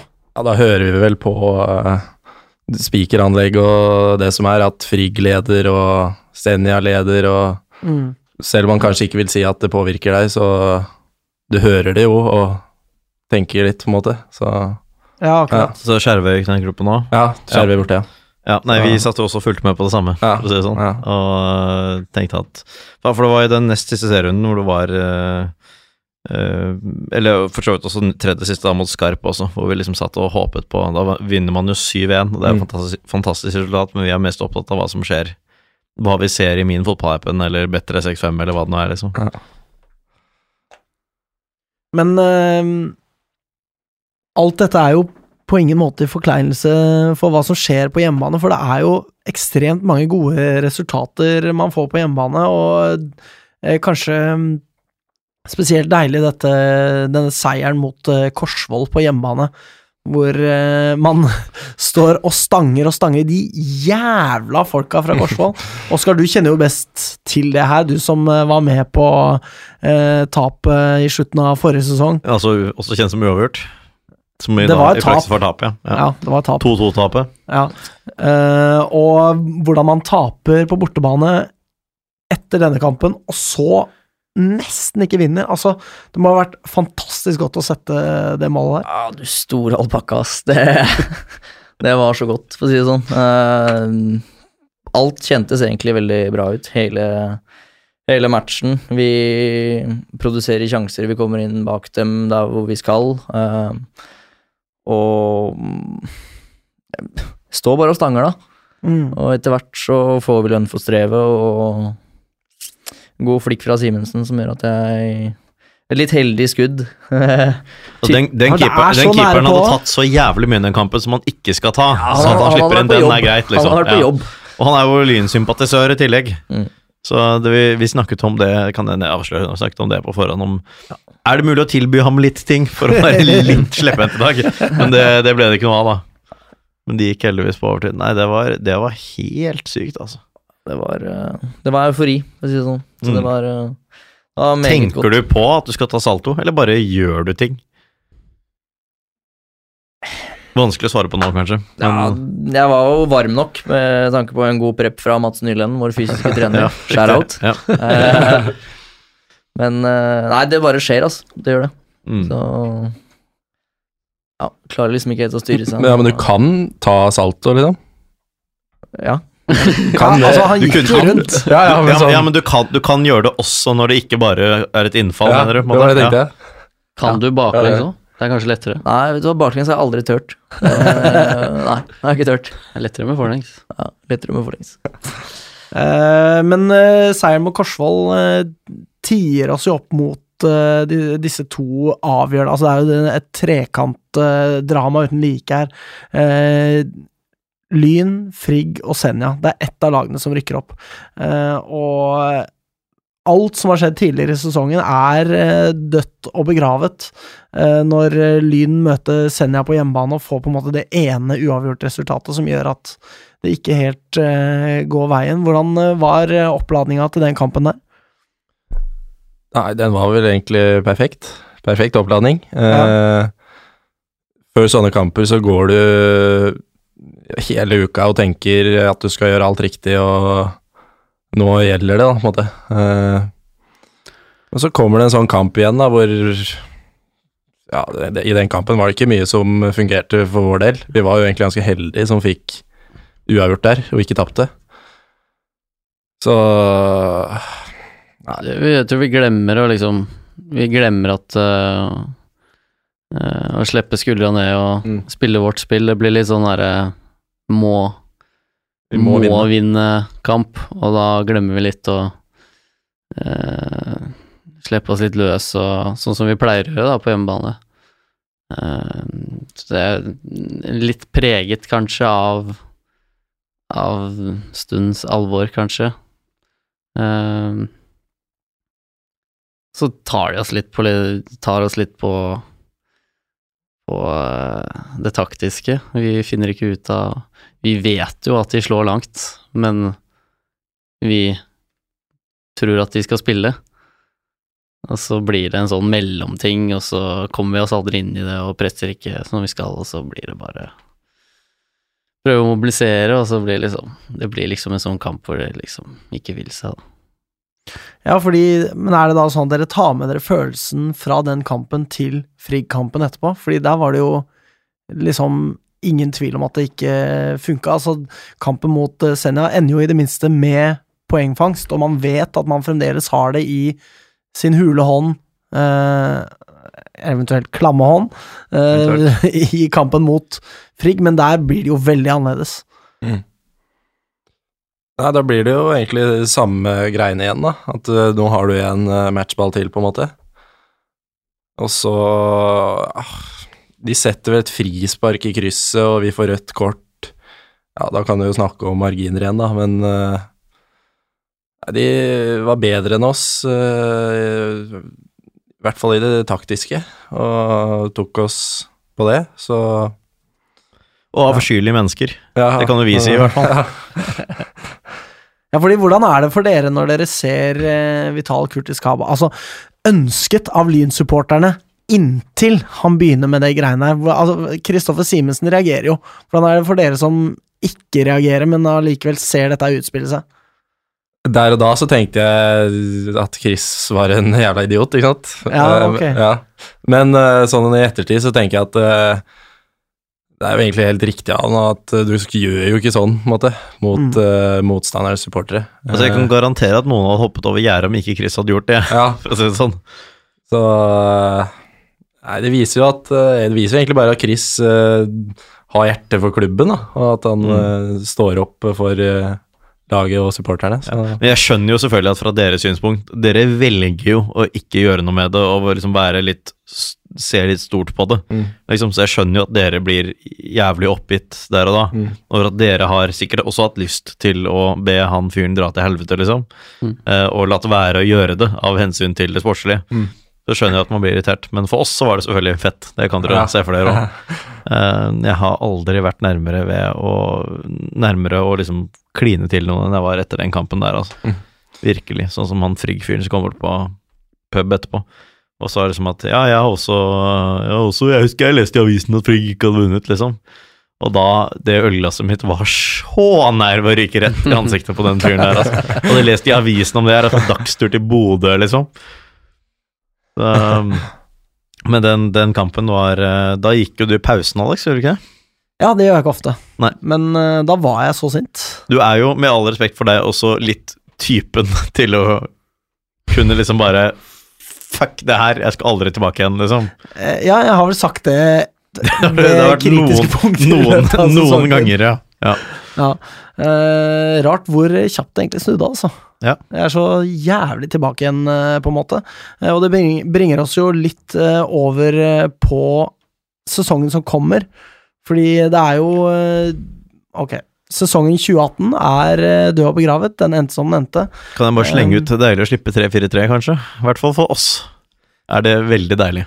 Ja, vi syns ikke at det var så stas. Dere Vi syns det, vi syns det holdt på et år lenger enn det trengte, da. Både. Ja, kanskje til og med ett og et halvt år lenger Ja. enn det trengte. Eh, Lyn eh, skal ta fatt på en ny sesong, eh, og det vesentligste da er jo Lyns nye trener. Og kanskje før vi snakker om Bent Inge, det er jo sånn at det er jo et regnestykke her med hva man mister opp mot hva man potensielt kan få.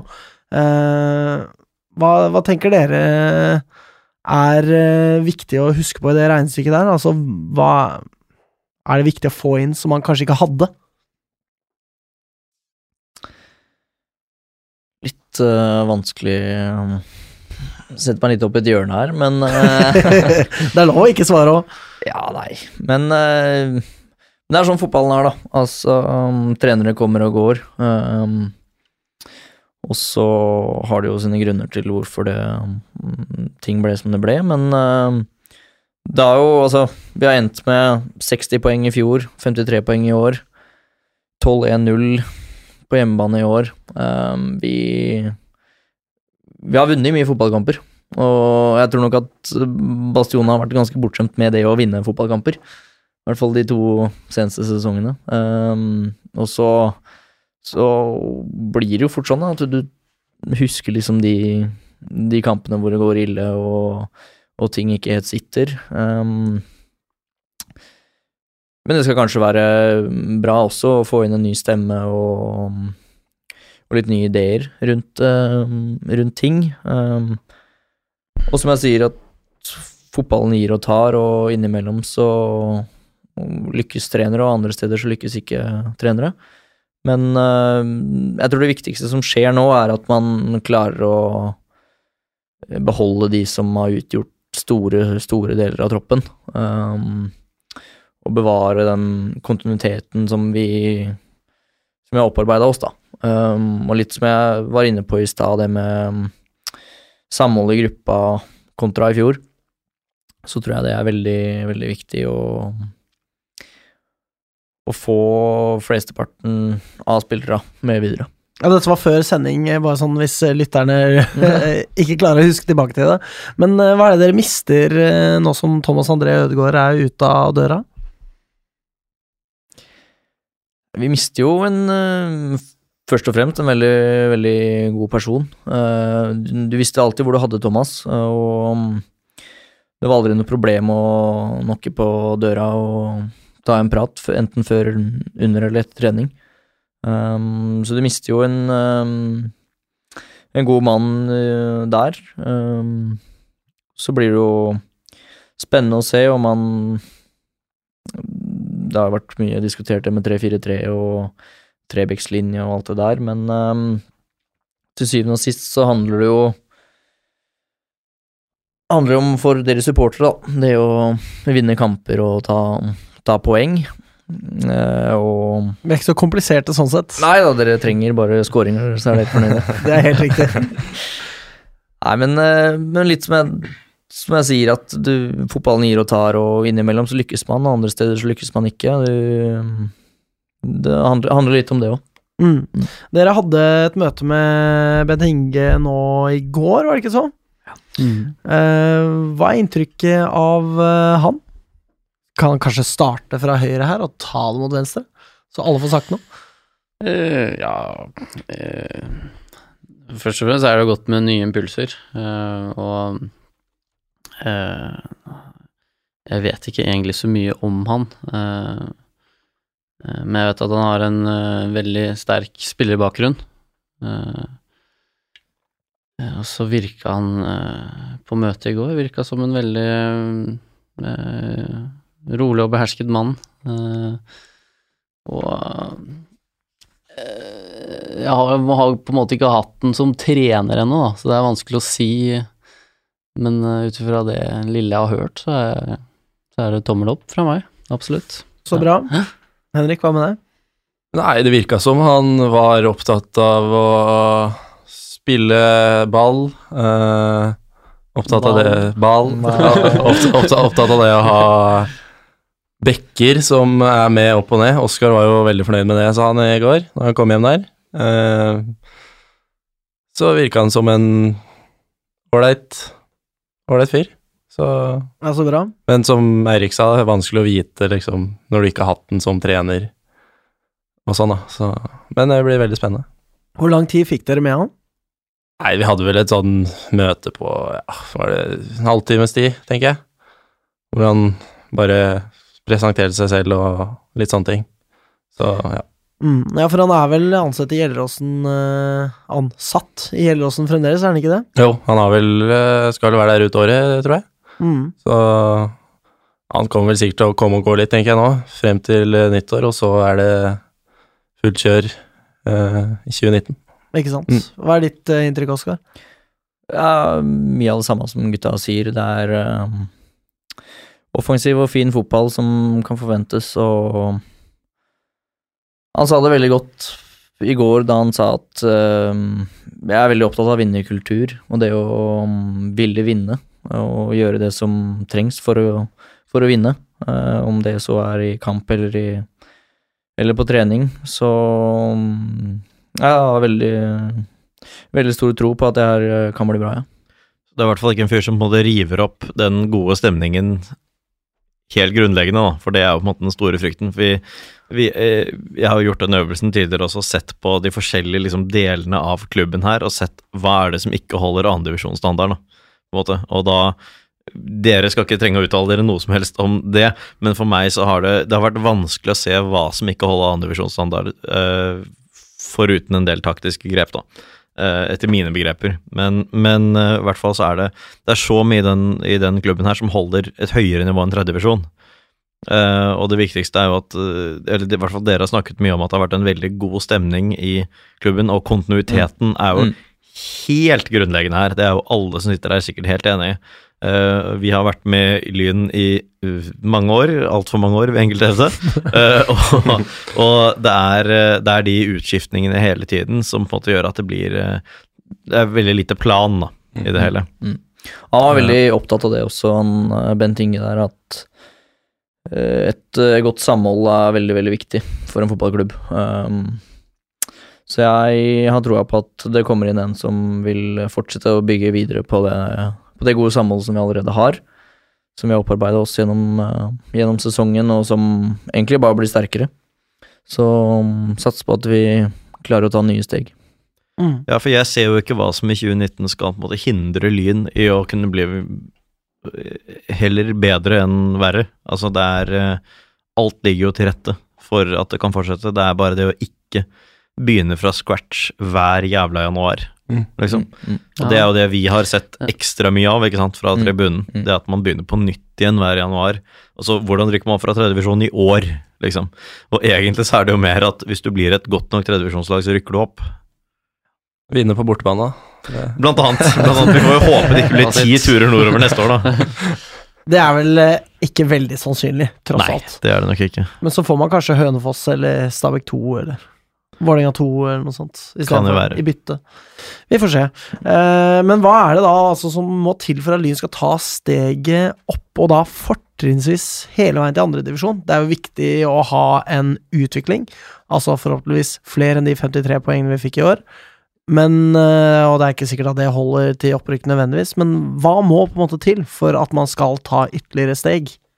jeg, mener, jeg mener jo at vi var egentlig veldig nære eh, i år på en måte, da. Fordi vi har noe veldig bra på gang, kan man si. Uh, så det blir bare egentlig bare å bygge videre på det og bli litt bedre på det vi er dårlige på, på en måte. Uh, mens det vi er gode på, er vi veldig gode på. Så det er småting som må til, så tror jeg vi er der. Tror jeg vi er der. Hva da, for eksempel?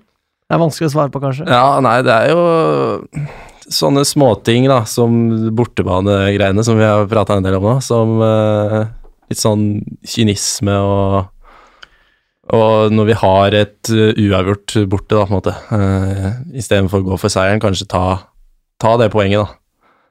Uh, ja, litt sånne ting. Uh, Mm. Hva tenker du, Eirik? Eh, nei, altså jeg, jeg tenker at uh, vi må dyrke vår spisskompetanse, det vi allerede er gode på. Det, det syns jeg vi, vi kan bli enda bedre av. Så må vi bli bedre på det vi ikke er fullt så gode på, selvfølgelig. Uh, og så er det ting jeg håper at Spesielt på feltet, at vi kan gjøre en endring med hva som hva man gjør med mm, coaching. eh, eh, alt fra små detaljer til se på det store, store bildet. Så det er jo egentlig bare utvikling eh, i preseason som telles, og så får man liksom oppsummere litt, litt ut i preseason, og så se, se hvordan man ligger, da. Men for, for min del så er det Eh, utvikling og hva vi gjør på feltet, som er eh, hovedbiten. eh, første delen av preseason, da. Det er jo viktig å være opptatt for oss også, for vi, vi som supportere vi ser jo ikke en dritt av det, men det er jo 70-80-90% av det dere gjør i Lyn, er jo der. Mm. Ikke sant? Og jeg ser dere hver helg, og det er liksom det eneste jeg har å bedømme ting på, da. Så det, og særlig med tanke på det å, å altså bli i klubben og dyrke en god garderobekultur, det skjer jo i forbindelse med det å være på feltet i stor grad også, ikke sant. Mm. Eh, men jeg har jo ikke noen som helst peiling på hva som skjer der. Jeg har vært oppom på eh, to treninger i år, liksom sånn litt tilfeldig. Ikke for å stå og se på treningene, men for å hjelpe Thomas Noreng med noe greier og sånn. Så um, ja. Men jeg, jeg tenker jo at det er eh, Det er liksom den Det er den kontinuitetsgreia da, som går igjen, liksom uansett hva det er du ser på. Så er det, og de klubbene som går opp også, hva er det de har gjort som på en måte ikke Lyn har eh, har vært like gode på. Det er veldig få ting du kan pinpointe i de andre klubbene, da, annet enn akkurat det der med kontinuitet. Ja, det er jo eh, for eksempel både Frigg og Senja. De hadde jo større grad av kontinuitet enn Lyn, og det er jo typisk oppsal, Lyn. oppsal, for den saks skyld. Ja, ja. Ikke sant? Og det er jo Mm. typisk Lyn at Altså, det, dette er en sånn løpende joke jeg har hatt, da. At jeg husker jeg var på Jeg så Lyn spille førstesesongskamp eh, Det var før Lyn skulle spille førstedivisjon. Etter nedrykk fra Tippeligaen. Det var i 2010, den halvsesongen vi fikk før Før. Det var konkurs. Og hvordan jeg ikke kjente igjen et eneste tryne som spilte for Lyn. Mm. Og sånn har det jo vært i alle år. Altså, jeg mener, jeg er kjempeglad for at dere tre er i klubben, men samtidig nå, kan jeg, nå er det greit. Nå har vi de folka vi trenger, og så kan vi kanskje fylle på med én, to, maks tre. Det er akkurat det. Mm. Uh, Istedenfor å bytte ut absolutt alle sammen, og det er jo det jeg håper på fra Bent Inge, at han uh, utviser den nøkternheten som er det å beholde det som er, fordi eh, det har vi jo vært inne på på poden her, det at det spillematerialet som er i Lyn nå, det er godt nok. Det er vi 100 enige om i poden her, og det handler om å forvalte det og bruke det på riktig måte og utvikle det riktig, sånn at det blir et eh, opprykk av det, rett og slett. For det er jo noe med det å hente spillere når man trenger det, ikke bare hente fordi man har muligheten, og det har Lyn gjort en del av de siste årene, har jeg inntrykk av. Altså, Lyn er spesielle, og det er jævlig bra, men det er Du kan hente 40-50-60 spillere bare på Lyns navn, liksom, som holder ålreit tredjedivisjonsnivå, men det har jo vist seg, det funker ikke. Den tilnærmingen fungerer ikke i det hele tatt, liksom. Mm.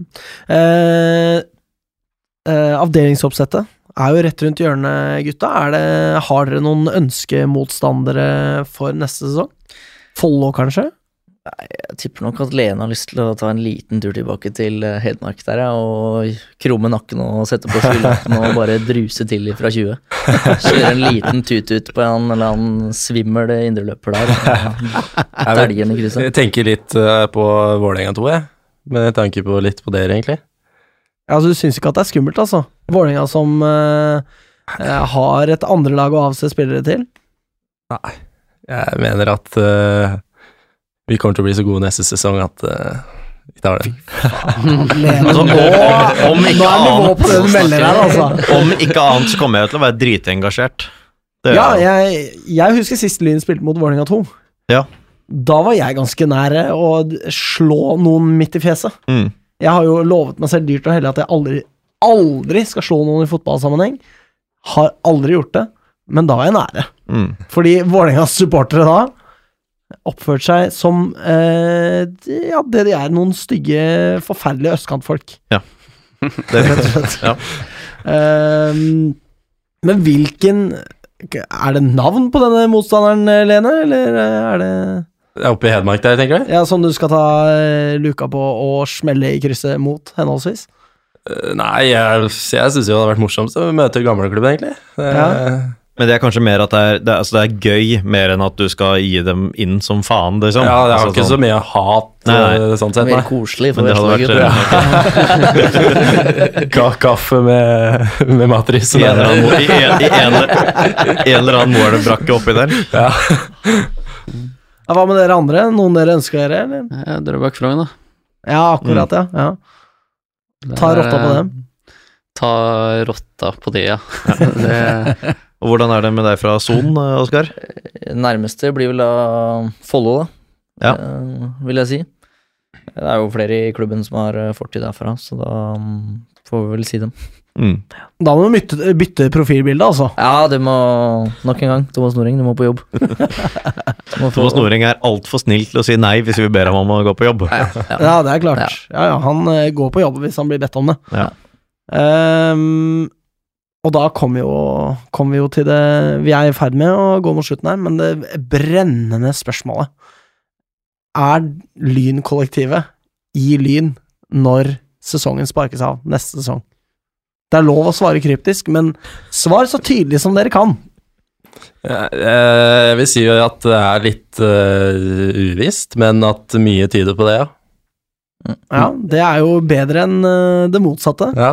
Så jeg tror eh, alle tre her er ganske eh, positive til Lyn eh, neste sesong. Så Men man veit jo aldri, da, på en måte. Så vi får se hva som skjer. Jeg får utdype litt. Vi skal jo ha spillersamtaler nå, den uka som kommer, med, Mm. med Bent Inge og liksom høre litt planer og tanker og sånt nå rundt, rundt kommende sesong, så da blir det jo spennende å se hva, hva han har å melde, og hva, hva han kan forvente seg av oss, og hva vi eventuelt kan forvente oss av han. Så spennende blir det. Blir Mm. spennende uker. Eirik, du har ikke meldt. Nei, jeg melder ikke heller, men uh, jeg trives veldig godt i Lyn. Uh, og jeg kan se for meg en, et nytt år i Lyn. Det kan jeg. Mm. Så det kommer an på spillersamtaler eh, litt, uh, altså, med andre ord. Er, Hva klubben kan vise dere. Så er det vel litt sånn at uh, hvis én blir, så blir flere, på en måte. Det Tror er jo jeg. det inntrykket vi har fått, altså, også utenfor Ja. uten kollektivet. Eh, at det handler om uh, Hvis mange nok blir, da, til at man får den samme stemningen som i år. Altså, én ting er en ting er i garderoben under kamp, men også liksom på feltet. Altså At det blir gøy å være der på samme måten som i år. Mm. Og, og vi ser jo da fortsatt ikke klart, Jeg skal ikke påstå at jeg er nøytral i Lyn-sammenheng, det er jeg aldri, uansett hva jeg ser på. Men det er liksom ingenting som virkelig hindrer Lyn da, i å gå, kunne gå opp. ikke sant? Og den følelsen tror jeg, i hvert fall hadde jeg vært Lyn-spiller, tror jeg det hadde hatt en del å si. da. Mm. Det At det ikke er noe, som, eh, noe helt konkret som står i veien og sperrer for det. Riktig. Eh, så da var eh, eksamen eh, over, og eh, da gjenstår det et siste spørsmål som er eh, løst i snippen. Hva skal dere i ferien, gutta? Jeg skal en tur til Roma, i hvert fall, i Oi. desember. Eh, tenkte jeg skulle se en Roma-match der. Så- Ja, Det høres fett ut. Ja. Så det er vel egentlig Hvilken da? Med Roma-Genoa. Mm. Skjønner. Så det er kult. Bortsett fra det, så blir vi ta en tur hjem til Moelven, da. Og, med mor og far og hele fanen. Sitter og brunsaus der, ja. Å, ja. ja, så det er, virkelig de planene jeg har. Ja, Jeg hører med, kan jeg se for meg. Jeg skal til Brønnøysund, sammen med Jokke P. Ja, akkurat, ja. Joakim. Skal det, ja? Og Tove. Nei da. eh, Det blir vel en uh, tur hjem og blidgjøre familien. Og spise litt god mat, slappe av. eh, Kjenne litt på Mosselukta igjen og Altså, Jeg har jo ikke luktesans, så jeg burde jo passe perfekt inn i Moss. Ja, sånn du hadde, du hadde trivdes i Moss. Jeg trivdes i. Moss, ja. ja, ja. Altså, jeg hadde praksis i Moss uh, i fjor. Det er ikke noe mosselukt lenger, altså. Nei, det er, er det er, jeg har også hørt det, altså. Jeg har vært i Moss tingrett noen ganger, og det altså på rett side av bordet. Eller etter mine begreper, ikke etter Alex sine begreper. Men, uh, men nei, jeg merker ikke noe til det, altså. Dessverre. Nei, den er uh, Den er utvanna. Mm. Dessverre, vil mange si. Ja, Eirik er glad i å mobbe meg for den. Det er bare du som får gjøre det. Nei da. Det er, Drikke, pule, spy og slåss, ta toget til Moss, osv. det er noe med det. Hva med deg, Eirik? Hva er planene for ferien? Eh, skal eh, eh, Jeg skal ut og reise. Jeg skal til Skottland eh, en ukes tid. Eh, Fotball, eller? Eller bare nei, jeg skal en kompis Ja. som bor i Skottland. Akkurat. Hva med deg, Magnus? eh, fe fotballferien? Nei, jeg Ja, skal, altså, komp jeg skal jo- kompensere for at jeg er bundet opp hver jævla helg fra april.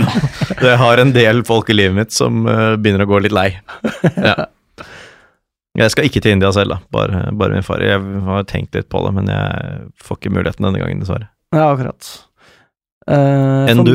Uh, jeg Jeg får jo uh, min kjæreste på besøk hos mine foreldre i jula. Ja. Første gang. Ja. Det blir jo hyggelig. Det håper jeg. Man vet jo aldri åssen det går. Jeg regner med at det går bra, men forhåpentligvis går det bra, i hvert fall.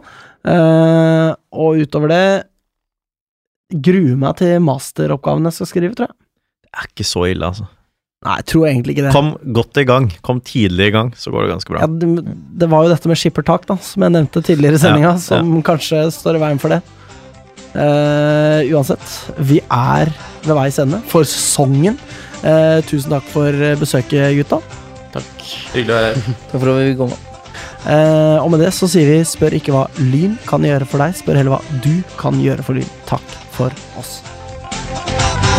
Kom igjen, igjen, Lyn, kom igjen, Lyn, kom igjen, Lyn, kom igjen, Lyn!